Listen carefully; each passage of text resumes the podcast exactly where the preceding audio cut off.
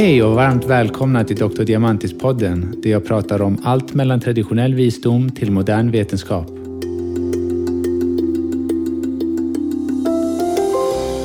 Mitt namn är Diamantis Kokovinos och är utbildad läkare i kinesisk medicin, naprapat samt funktionell medicin och hälsa och livsstil. Har du gått på yoga och känt att du har sträckt en muskel, fått ont i någon led eller ryggen? Då kanske du är en av tre som kommer avbryta din yogaträning på grund av en skada, enligt en studie från Australien. Dagens avsnitt är till alla yogis, alla som tränar yoga regelbundet. Detta är en del av en föreläsning som blev väldigt populär bland flera yogastudios i Kina, Shanghai, när jag bodde där. Många tyckte att det var så pass värdefull information som jag delade med mig att jag blev inbjuden att föreläsa i den internationella yogadagen. Detta avsnitt kom till liv när det började komma personer med yogarelaterade skador till min klinik. Jag insåg ganska snabbt att det inte handlade om något isolerat fall, men att det hände ganska ofta hos de som tränade yoga. Vad jag upptäckte var att skadorna gick att förebygga, så att istället för att dra hela ramsan för varje ny patient så blev jag inbjuden att föreläsa för större grupper. Jag hoppas att flera yogalärare verkligen förstår sig på dagens material så de kan hjälpa sina elever att förebygga eventuella skador, men även för den grupp av yogis som stött på en platå i sin träning och inte kommer någon vart. Detta kan hjälpa dig att ta nästa steg. Idag kommer jag gå igenom lite hur kroppen fungerar på ett muskuloskeletalt plan och hur du kan undvika skador samt bli mer flexibel. Jag kommer prata om vad som kallas för de tre kontrollzonerna, vilket inte är någonting nytt, men för någon anledning inte pratas om i detalj. För att vi ska förebygga skador så måste vi förstå vissa områden i detalj. Jag ska göra mitt allra bästa och göra det så enkelt som möjligt för dig att förstå. Yoga asanas är underbar typ av träning med en mängd olika positioner och rörelsemoment, vilket främjar flexibilitet och stabilitet muskelskeletalt. Min erfarenhet baserad på funktionell screening och ortopediska tester har lett att jag har tagit slutsatsen att stor del av problematiken handlar om inaktiva eller svaga stabiliserande muskler. Jag hoppas att mina råd integreras i er yogaträning och inte ersätter vad ni gör. Efter dagens avsnitt hoppas jag att du kan förstå lite om anatomi, muskelfysiologi och biomekanik så du kan träna rätt muskler på rätt sätt för att undvika skador och bli ännu bättre på yoga. Alla muskler har en viss hierarki i kroppen, det vill säga att vissa muskler är gjorda för en viss rörelse eller stabilisera en led som höftleden.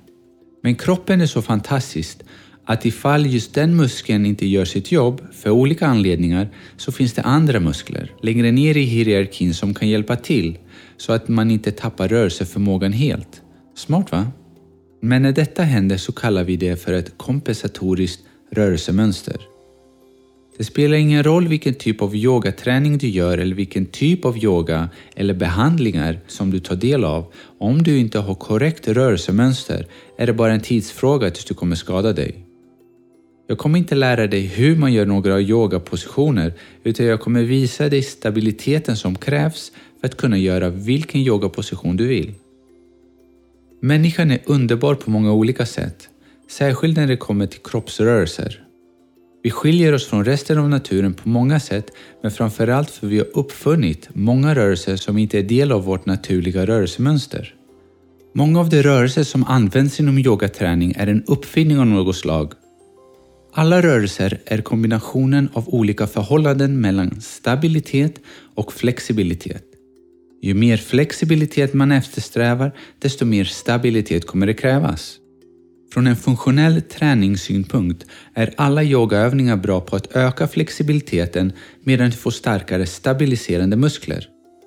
Dessa stabiliserande muskler kan delas in i primära och sekundära stabiliserande muskler. De primära stabiliserande musklerna är de som har en unik förmåga att stabilisera en specifik led eller område. De är mer eller mindre konstruerade just för denna specifika uppgiften. Och man kan säga i generella termer att det är mer statiska muskler än dynamiska. Statiska muskler har en funktion att stabilisera en led under en statisk påfrestning, så som vid till exempel plankan. Medan dynamiska muskler som har funktionen att skapa en rörelse, som till exempel när vi springer. De sekundära stabiliserande musklerna kan stabilisera men inte är konstruerade just för det. Det fungerar mera som en extra säkerhetsåtgärd eller under en nödsituation. När de primära stabiliserande musklerna inte gör sitt jobb känner nervsystemet av det och skickar information till de sekundära stabiliserande muskler att hjälpa till. Och det är för att det spelar ingen roll för nervsystemet vilken muskel det är som gör jobbet, så länge det är någon som gör det. När kroppen använder sig av så kallade fel muskler för att stabilisera en led eller ett område i kroppen kompenserar den och som resultat ändras det biomekaniska rörelsemönstret. Det betyder att krafterna runt en led inte är optimala och kan förändra positioneringen av leden. Oavsett om det är minutiöst så kommer det i långa loppet orsaka något problem. Till att börja med är det ingenting du känner av och behöver inte orsaka någon skada, men i långa loppet, år efter år, till och med årtionden är det något som kallas för kompensatoriskt biomekaniskt rörelsemönster som uppstår och orsakar skadorna. De vanligaste skadorna är överbelastningsskador som uppstår vid ett kompensatoriskt rörelsemönster. De primära stabilisatorerna är inte aktiva som de borde. Leden eller lederna stabiliseras av de sekundära stabilisatorerna vilket lätt blir trötta och stela medan man forcerar ut kroppen i ytterläge genom att sträcka på sig eller böja sig. Den andra gruppen av skador är på grund av slitage. Det är degenerativa skador som uppstår bland annat när ledhuvudet och ledpannan är inte i optimalt läge mot varandra. Det sker efter en repetitiv rörelse som inte skett optimal under flera år. Många av de sekundära stabiliserande musklerna är gjorda för att fungera på ett mer dynamiskt sätt men när nervsystemet säger till dem att hjälpa till och stabilisera en led så måste det följa orden och börja istället arbeta mer statiskt. Om man inte gjort specifika tester för att se om man använder rätt muskler eller inte finns det en stor risk att du som tränar yoga har ett kompensatoriskt rörelsemönster utan att du vet om det. Detta sätter dig i hög risk för någon typ av överbelastningsskada när du försöker pusha dig själv i olika yogapositioner. Tyvärr så finns det inget enkelt svar på varför de primära stabiliserande muskler inte fungerar som de borde. Vad vi vet är när nervsystemet skickar signaler till muskeln för att fungera som sekundära stabilisatorer blir det ett hinder som begränsar dig från att bli bättre på yoga.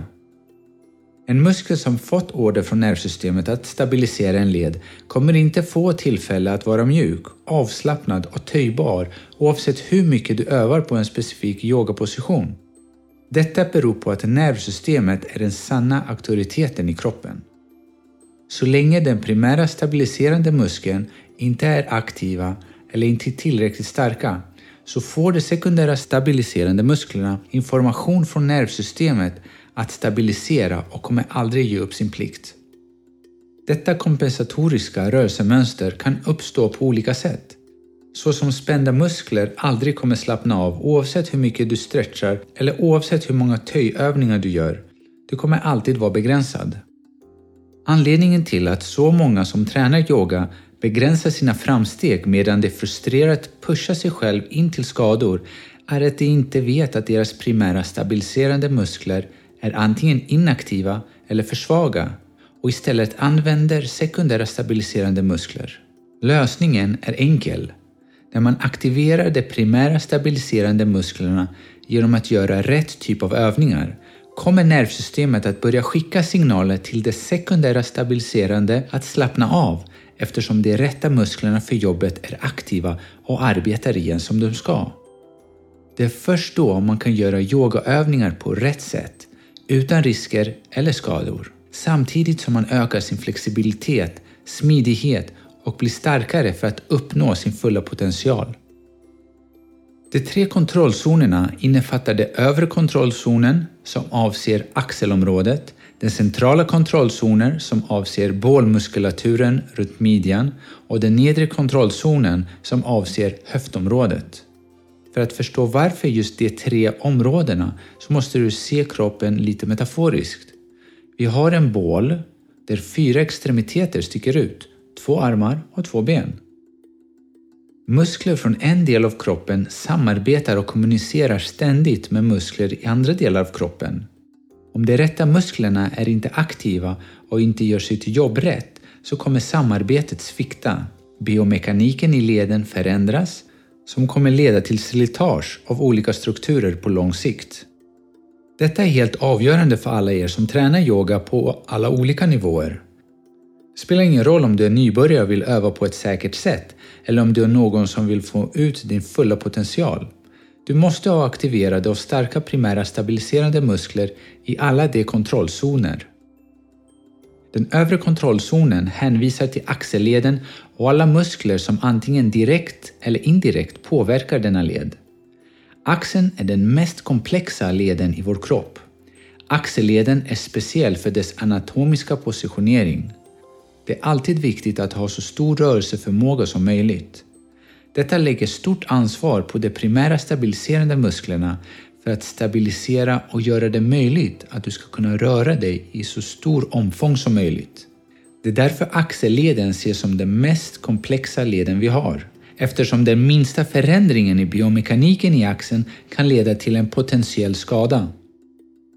På grund av axelns komplexitet är de stabiliserande musklerna runt axeln uppdelade i två grupper. Muskler som har hand om de stora rörelser och muskler som har hand om finmotoriken. Dessa två muskelgrupper måste kommunicera och arbeta som ett team för att skulderleden ska ha optimal biomekanisk rörelsemönster.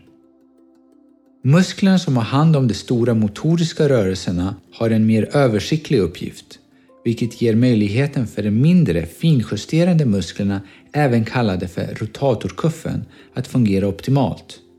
Tillsammans ser det till att axelledens positionering är optimal och att rörelseomfånget är maximalt medan du har full stabilitet när du tränar yoga. Den nedre kontrollzonen hänvisar till höftleden och de musklerna som direkt eller indirekt påverkar denna led. Höftleden är den största leden i vår kropp och väldigt skyddad av ledband och stora muskler som gör den väldigt stabil.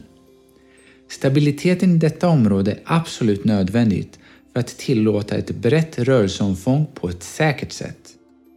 Höftleden är unik på grund av dess anatomisk struktur, vilket skiljer sig från axelleden som är väldigt platt, så är höftleden väldigt djup. Djupet i leden begränsar benets rörelseomfång men tillsammans med de stabiliserande musklerna blir höftleden väldigt stabil och fantastisk i att överföra olika krafter från benen upp till överkroppen och ut till överarmarna. Det är även väldigt viktigt att veta att knä och fotstabiliteten kommer just från höftmuskulaturen. Den centrala kontrollzonen hänvisar till bålmuskulaturen runt midjan. Det har den viktigaste funktionen av dem alla. Det är som en länk mellan den övre och den nedre kontrollzonerna som tillsammans med de relaterande stabiliserande musklerna gör att lederna kan fungera i säker och optimal miljö. Trots att bålen innefattar flera muskler så kommer vi fokusera på den djupaste av magmusklerna som vi kallar för transversus och den går transversalt som ett bälte runt midjan. Den har en funktion som ingen annan muskel har. Det är att stabilisera bålen och avlasta kotorna och diskarna som vi har mellan kotorna. Denna muskel är den primära stabilisatorn. Alla de andra musklerna som vill komma in och hjälpa till ifall bålen är svag kan stabilisera men har inte möjligheten att avlasta kotorna som just den här transversala muskeln. Istället för att avlasta så komprimerar de istället. Och diskar som komprimeras är inte alls glada. Men transversus har ännu en unik funktion. Det är att stabilisera bålen innan du gör någon rörelse med armar eller ben. Med andra ord, den är alltid involverad i alla rörelser som du gör med armar och ben. Så ifall du är i skrivbordet och sträcker efter en penna eller går med en kasse i ena handen eller gör en solhälsning så aktiveras transversus innan någon rörelse görs med armar eller ben. Ja, nu kanske du undrar, så hur kan man veta och hur kan man testa för att se ifall de här kontrollzonerna fungerar som de ska? Först måste vi undersöka ifall du aktiverar rätt muskler. det vill säga ifall nervsystemet använder sig av de primära stabilisatorerna eller inte. Hjärnan har du säkert på plats. Muskeln finns och nerven finns som går från hjärnan till muskeln. Men vi ska se om du kan hitta den specifika muskeln genom att isolera den och göra en aktiveringsövning. Detta är första steget. Ifall du har svårt att hitta muskeln eller aktivera den så måste man öva på det tills man får bättre kontroll. Det vill säga att man säger åt nervsystemet att använda sig av just denna muskeln. Hjärnan skapar då nya synapser, nya kopplingar som gör att signaleringen till den muskeln blir allt bättre. På detta sättet får man bättre kontroll på just den specifika muskeln. Steg nummer två är att göra den starkare så den orkar stabilisera ett område när kraven blir högre. Låt oss ta plankan som ett exempel som ställer vissa krav på övre kontrollzonen i axeln och skuldran. Klarar du av plankan utan problem kan du prova sidoplankan, kan du prova sidoplankan och se ifall de krav som ställs på muskulaturen klarar av det. Låt oss börja med vilka som är aktiveringsövningarna. Vi börjar med den centrala kontrollzonen som är den viktigaste. Den relevanta muskeln är transversus som vi har pratat om. Den isolerar vi genom att lägga oss på rygg och fötterna drar vi upp mot rumpan men fortfarande mot golvet så att knäleden kommer i 90 grader. Från denna position vill jag att du trycker ner din ryggrad mot golvet. Försök hitta de djupa magmusklerna för att göra denna rörelse och undvik trycka ifrån med fötterna och tilta bäckenet bakåt. Börja lite lätt för att se ifall du kan hitta den muskeln. Om du har svårt så kan du be en vän lägga sin hand under din ländrygg för att känna ifall du trycker eller inte. Har du svårt att hitta den djupa magmuskeln så vill jag att du övar på detta en till två veckor genom att aktivera och slappna av magen ungefär 20 gånger i tre omgångar. När du känner att du börjar ha kontakt med magmuskeln är det dags att göra den starkare. Gå tillbaka till samma position med skillnad nu att du tar upp benen så att du är 90 grader i höften och 90 grader i knäna. Det ser nästan ut som att du sitter på en stol fast liggande. Från denna position så börjar du med att trycka ner ländryggen mot golvet och sakta börja sträcka ut ett ben i taget medan du behåller trycket mot underlaget. Vad som händer nu är att stabilitetskraven höjs då hävarmen, vilket är benet, sträcks ut och blir tyngre. Det är viktigt att du känner hela tiden att ländryggens tryck förblir hela tiden. Ifall du börjar tappa trycket så för du tillbaka benet och sträcker på det andra. Sträck inte benet mer än vad du klarar av att hålla ländryggen nedtryckt. Denna basövning kommer göra att du blir starkare i bålen med tiden och får färre ländryggsbesvär. Nästa område är övre kontrollzonen där aktiveringsövningen är följande. Stå med händerna mot en vägg och flytta tillbaka lite så du lätt lutar dig mot väggen som om du skulle göra armhävningar fast mot väggen. Från denna position så vill jag att du förblir med raka armar fast sjunker in mellan skulderbladen. Därefter sträcker du ut bröstryggen så mycket du bara kan och håller kvar denna position i ett par sekunder. Har du svårt att göra denna övning så repetera 20 gånger i omgångar om tre under ungefär en veckas period. Detta är aktiveringsövningen. Men för att stärka musklerna så vill jag nu att du ställer dig på samma sätt fast på golvet. Så ställ dig i golvet i en armhävningsposition med raka utsträckta armar. Och sjunk in mellan skulderbladen så långt du bara kan och sedan sträck ut allt vad du bara orkar. Du kan antingen ha armarna raka eller du kan vara i armbågarna så som i en plankaposition. Är detta för lätt så kan du göra samma sak på en pilatesboll. Sjunk in mellan skulderbladen och tryck ut allt vad du har. Den nedre kontrollzonen är minst lika viktig. Lägg dig på höger sida med knäna i 90 grader och hälarna ihop med höjd med rumpan. Från denna position så vill jag att hälarna nuddar varandra hela tiden medan du lyfter ditt översta knä så långt du bara kan. Det är viktigt att du inte tiltar bäckenet och fuskar. Försök ha ländryggen horisontell som resten av ryggraden. Rörelsen ska vara lugn och kontrollerad utan att det hackar. Du ska kunna klara av 12 repetitioner ungefär utan att det blir alltför jobbigt för dig. Vänd dig sedan och repetera med andra sidan. I detta fall så är aktiveringsövningen också den stärkande övningen. Man kan även göra sidoplankan eller ställa sig upp med ett gummiband mellan benen och gå sidleds med raka ben. Ja, egentligen så finns det så många övningar. Det finns så många fördelar med att ha aktiverade kontrollzoner, från skadeförebyggande till prestationsökande. Det är absolut avgörande att rätt muskler gör rätt jobb, för det är endast då biomekaniken i leden kan vara optimal. Krafterna kan överföras från en del av kroppen till en annan på ett säkert sätt och träningen blir så mycket roligare för att man kommer se en stadig framgång utan att riskera att bli skadad. Jag önskar er lycka till och hoppas att det här var givande. Jag vill tacka så mycket för mig. Har ni några frågor eller vill bara skriva en kommentar så är ni välkomna att följa mig på Instagram där mitt konto är drdiamantis med C. Eller har du kanske något tema som du skulle vilja att jag skulle prata om så skriv ner det. Jag uppskattar det verkligen. Ta hand om dig och glöm aldrig att du har din hälsa i dina händer.